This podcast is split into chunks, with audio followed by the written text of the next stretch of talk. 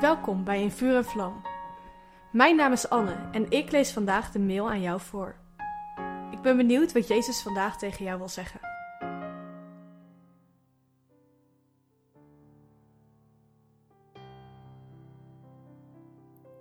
De gave van geloof wordt vaak verward met geloven in God, terwijl het eigenlijk iets heel anders is.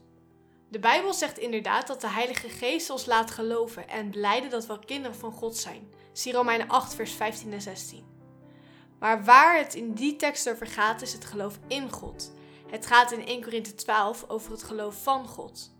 Het gaat over bovennatuurlijk geloof dat je van God krijgt in een bepaalde specifieke situatie. Ik ken bijvoorbeeld voorbeelden van zendelingen of evangelisten die geloof kregen om naar landen te gaan die eigenlijk gesloten waren voor christenen.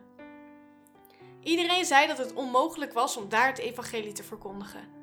Toch kregen deze mensen geloof en gingen en God opende deuren. Je ziet dit ook bijvoorbeeld in het leven van Ben Fitzgerald. Hij kreeg geloof dat Europa gered zou worden. Daarom verhuisde hij van Australië naar Duitsland. En zonder dat hij daar het geld voor had, huurde hij grote stadions af waar hij duizenden mensen tot geloof ziet komen. We zien vandaag de dag de vruchten van deze organisatie, Awakening Europe. Het begon allemaal met de gave van geloof. Andere voorbeelden van deze gave vind je in het hoofdstuk Hebreeën 11.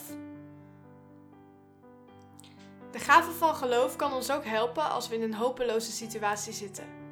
Op zo'n moment verzekert God je ervan dat Jezus boven de situatie staat en dat alles goed komt.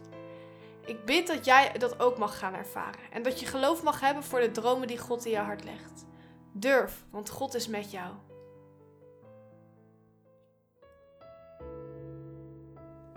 Wat leuk dat je hebt geluisterd naar In Vuur en Vlam. Heeft de tekst je geholpen om God beter te leren kennen? Deel In Vuur en Vlam dan met je vrienden. Meld ze aan op streef.nl slash in vuur en vlam.